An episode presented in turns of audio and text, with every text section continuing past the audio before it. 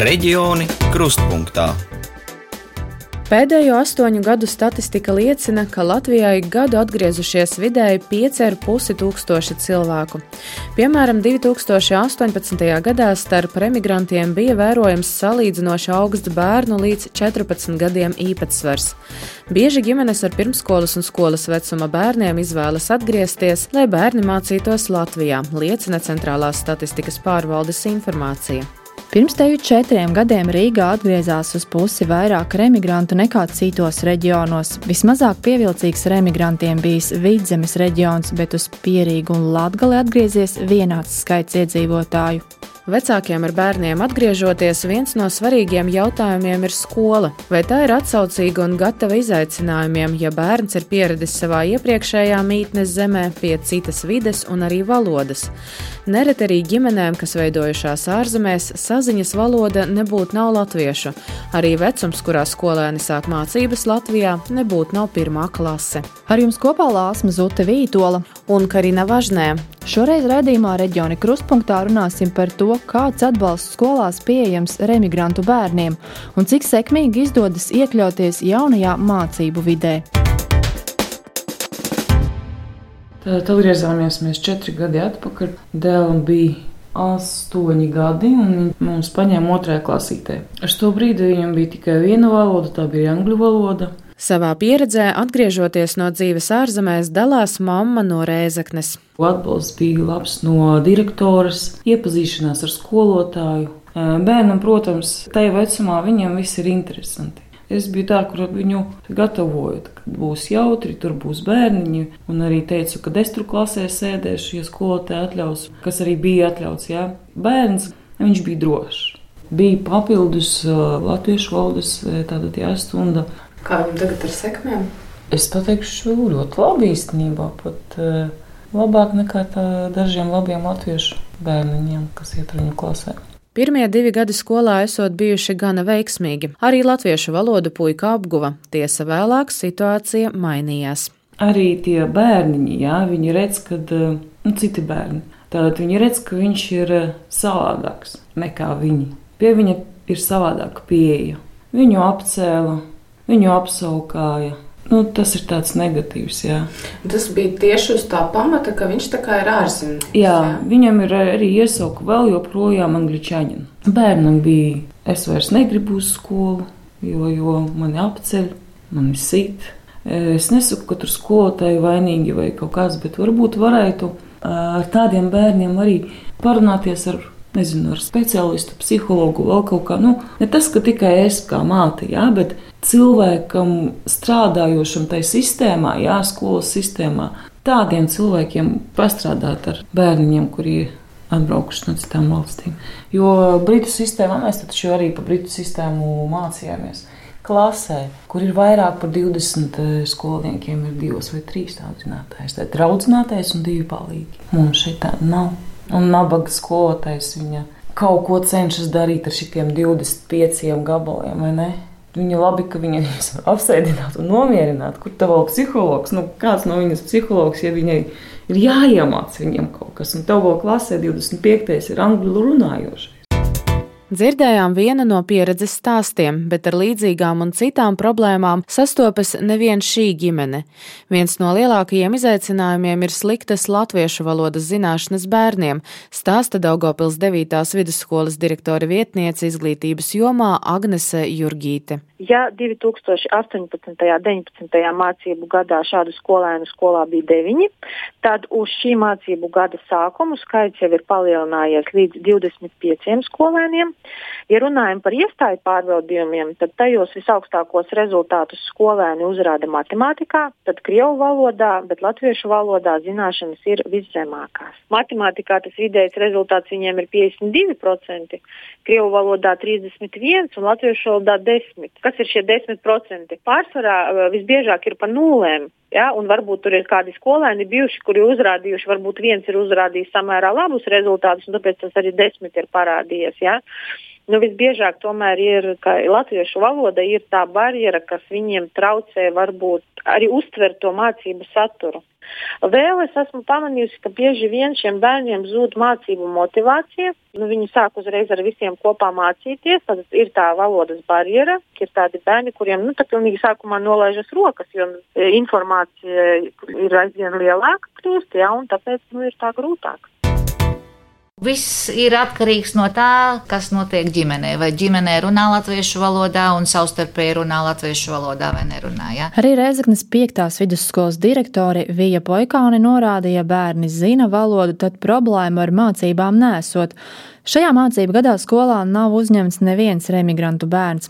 Aizvadītajā mācību gadā tika uzņemti četri, kuri šobrīd mācās sākuma skolas posmā. Kopumā skolā mācās 450 skolēnu, vienā klasē ir no 20 līdz 26 audzēkņiem. Skolotājiem ar bērniem, kuri nezina latviešu valodu, nav vienkārši komunicēties. Pirms pāris gadiem skolēnam nācās mainīt pat klasi, jo skolotāja valodas nezināšanas dēļ nevarēja tikt galā. Kad skolotāja, teiksim, sākuma skolās mācījās savā laikā vācu valodu, un bērns ir no Anglijas, bija ļoti sarežģīti. Mēs pat pārcēlām uz paralēlu klasi, kur klases audzinātāja nu, kaut kādā sarunu līmenī tik daudz, lai saprastu vismaz, ko viņš jautā. Un vēl pirms laiciņa arī bija, ka, kad bērns bija nu, rusku vecākā klasē, kādā sestajā, ja, nu, tad svešvalodu skolu skolotāja bija piesaistīta šīs pirmo laiku skolā, nu, cik viņa varēja, jā, šīs konsultācijas, lai sēdēja blakus un tulkoja. Jo nu, tad bija situācija, ka bērns nesaprot pilnīgi neko. Skola skolāniem nodrošina no viena līdz triju mācību gadu laikā valstī noteiktos atbalsta pasākumus, nodrošinot vienu papildu stundu latviešu valodas apguvēju. Ja tā ir sākuma skolas klase, tad papildu vēl klases audzinātājas konsultācijas. Skola izmanto arī pumpura programmu darbā šādiem bērniem. Tomēr direktori uzsver, ka situācijās, kad skolēns nezina latviešu valodu, ar to ir par maz. Tāpat, ja mācību gada vidū atnāk uz skolu mācīties bērni no ārzemēm, nodrošināt nepieciešamās papildu stundas ir ļoti sarežģīti. Nu, jāatrod iespējamākais, labākais variants, jā, bet nu, tas viss ir uz skolas pleciem. Un, ja gada vidū šādi bērni parādītos vairāki, es godīgi sakot, Nu, es nezinu, kur ņemt šo finansējumu, ko samaksāt skolotājiem, lai papildus varētu ar šiem bērniem strādāt. Es esmu pārliecināta, ka vajadzētu būt kaut kādai mērķdotācijai, nu, lai viņa nav skolā, lai viņa ir, teiksim, pie izglītības pārvaldes.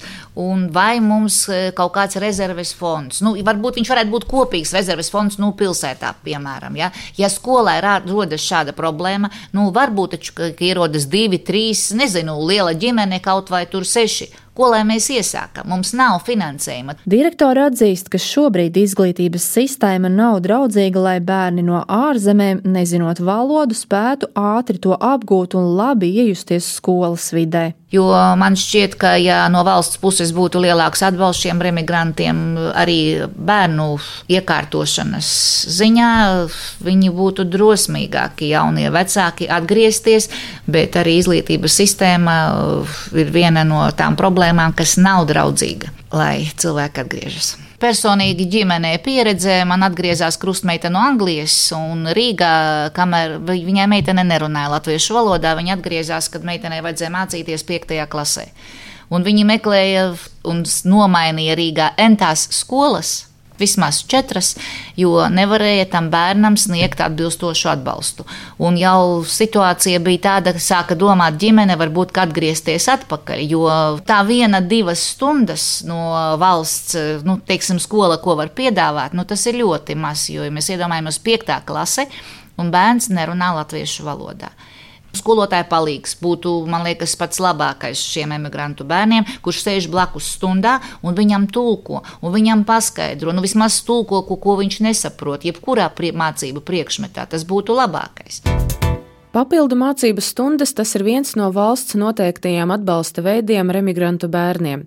Tiesa, tas nav atsevišķi iezīmēts finansējums. Pašvaldībām un skolām pašām ir jānosaka atbalsta apmērs, ko var piešķirt no kopējās mērķa datācijas dažādiem atbalsta pasākumiem skolās. Tā Daugopilī skolas griežas izglītības pārvaldē pēc finansiālā pieprasījuma papildu mācību stundu nodrošināšanai. Biežāk tieši latviešu valodas apguvei, skaidro Daugopils pilsētas izglītības izglītības pārvaldes izglītības satura nodaļas vadītāja Ināra Sprindžuka. Ir tāds eh, dokuments katrā pašvaldībā, kas saucas mērķu dotācijas sadales kārtība, kurā atrunā šajā pašvaldībā esošos principus, kuri ir būtiski un kuri ir ņemami vērā. Šie remigrējošie bērni, nu, mēs faktiski rezervējam zināmu naudas summu. Mēs šo tendenci apmēram redzam. Ja tā būtu īpaša valsts programma, īpašs nu, teiksim, koeficients, ja tā varētu pateikt, jā, šiem skolēniem, un tās būtu kaut kādas jau uh, saulēcīgi plānota naudas summa. Mēs par to būtu tikai priecīgi, jo kā valsts pilsētē, nu, var teikt, ka mums mērķa dotācijas pietiek šādām aktivitātēm. Bet es pieņemu, ka mazākām pašvaldībām, kur ir citāds skolu tīkls, mērķa dotācijas var nepietikt. Savukārt citu speciālistu, piemēram, psihologa palīdzība, paliek pašu skolu ziņā. Mums eh, lielākā vai mazākā mērā katrā izglītības iestādē ir eh, logopēds, psihologs, sociālais pedagogs, ir pedagogs karjeras konsultants. Un, nu, šādā komandā eh, viņi īstenībā arī izvērtē visu skolā esošo bērnu izglītības riskus, un, un, un iespējams, ka arī šie bērni varētu nokļūt viņu redzeslokā. Teikt, ka nu, varbūt visi stāsti ir veiksmes stāsti, varbūt nevarētu apgalvot. Šobrīd, starp citu, parādās vēl kāda tendence. Ir ģimenes, kuras pirms laika ir atgriezušās uz Latviju, bet šobrīd mainoties šai gan darba, gan izglītības formai, viņi pieņem lēmumu atpakaļ atgriezties nu, zemē, no kuras viņi ir atbraukuši. Un saka, nu, principā, ja man nav iespēja epidemioloģisku apstākļu dēļ mācīties klātienē, nu, tad, nu, tad tas kaut kā ietekmē viņu lēmumus. Pedagoģi arī norāda uz nepieciešamību pēc apmācībām un metodoloģijas darbā ar emigrantu bērniem. Tiesa, kā norāda Izglītības un zinātnes ministrijā, bez papildu mācību stundām pieejami arī citi atbalsta veidi, komentē ministrijas izglītības departamenta vecākā eksperte Olita Arkle. Ir individuālas konsultācijas eh, un eh, konsultācijas gan skolu kolektīviem un atvērto durvju dienas, ko organizē Latviešu valodas aģentūra. Tāpat arī ir sagatavoti mācību līdzekļi īpaši rēmigrantiem, gan pamatskolai un vidusskolai, kas palīdz īstenot papildu nodarbības. Un arī ir vairāki projekti, kā piemēram projekts Pumpurs atbalsts priekšlaicīgas mācību pārtraukšanas samazināšanai, kur ir iespējams arī lūgt vēl papildus individuālu darbu, individuālas nodarbības rēmigrantu bērniem. Un otrs projekts ir um, atbalsts izglītojamo individuālo kompetenci attīstībai, kur arī skolām ir iespēja lūgt atbalstu pedagoga palīga nodrošināšanai. Tāpat arī supervīzijas pedagogiem, kuras organizē izglītības kvalitātes valsts dienests. Kā apstiprina arī psiholoģija Jūlija Brokere, valodas barjera ir vislielākais izaicinājums remigrantu bērniem. Tāpat izaicinājums ir pierast pie jaunā. Vēl pie tā visa arī vecāki, teiksim, kuri ir pārvākušies, un kuriem arī ir pilna galvā ar dažādām problēmām, Viņi ļoti bieži par bērnatam lietam nedomā nevis tāpēc, ka viņam viena alga, bet vienkārši tāpēc, ka uz tā visa fona, kas notiek vecāku dzīvē, ja, tas bērnu lietas nu, neliekas varbūt tik nopietnas un tik nozīmīgas. Ja. Līdz ar to laiku pa laikam tas bērns var palikt vispār viens pats ar visiem tiem saviem pārdzīvojumiem. Tādēļ skolotājiem, zinot, ka šāds bērns ieradīsies klasē, ir jānoskaidro pēc iespējas vairāk informācijas, un nepieciešams ir parunāt arī ar vecākiem, saprast, kāds ir bērna valodas līmenis, noskaņojums. Tāpat ir jārunā arī ar pārējo klasi, izstāstot viņiem, ka jaunajam skolēnam ir citas valsts pieredze un var būt grūtības sazināties latviešu valodā. Protams, sekot līdzi tādam mazam situācijam, kas notiek starp bērniem, jā, ja tiešām sākas kaut kāds nu, iesaukas, jā, vai kaut kāds smiešanas, tad eh, šis ir tas brīdis, kad pieaugušam īstenībā jāiejaucas un stingri jāpārtrauc šī lieta, izrunāt ar bērniem, kā tu justos, ja pieņemsim, tu nezini, tu esi būt tagad Ķīnā. Jā, var arī piedāvāt tādu klases stundu, kad bērniem tiek nolasīts teksts, cita valoda vai tiek uzlikts viņa audio ieraksts. Jā, un tad uh, no tā var pēc tam veidot sarunu. Vēl būtu labi, ja bērnam klasē varētu atrast mentoru no klases biedru vidus. Protams, ja paši skolēni to vēlas, jo, kā uzsver psiholoģija, ir bērni, kuriem patīk, ja viņi var uzņemties rūpes par otru. Šāda palīdzība mēdz pāraugt arī savstarpējā draudzībā. Psiholoģija uzsver, ka to, cik ātri un veiksmīgi skolēns iejutīsies jaunajā vidē, nosaka dažādi faktori - attiecības ģimenē, cik sagatavota ir skola un arī paša bērna rakstura īpatnības.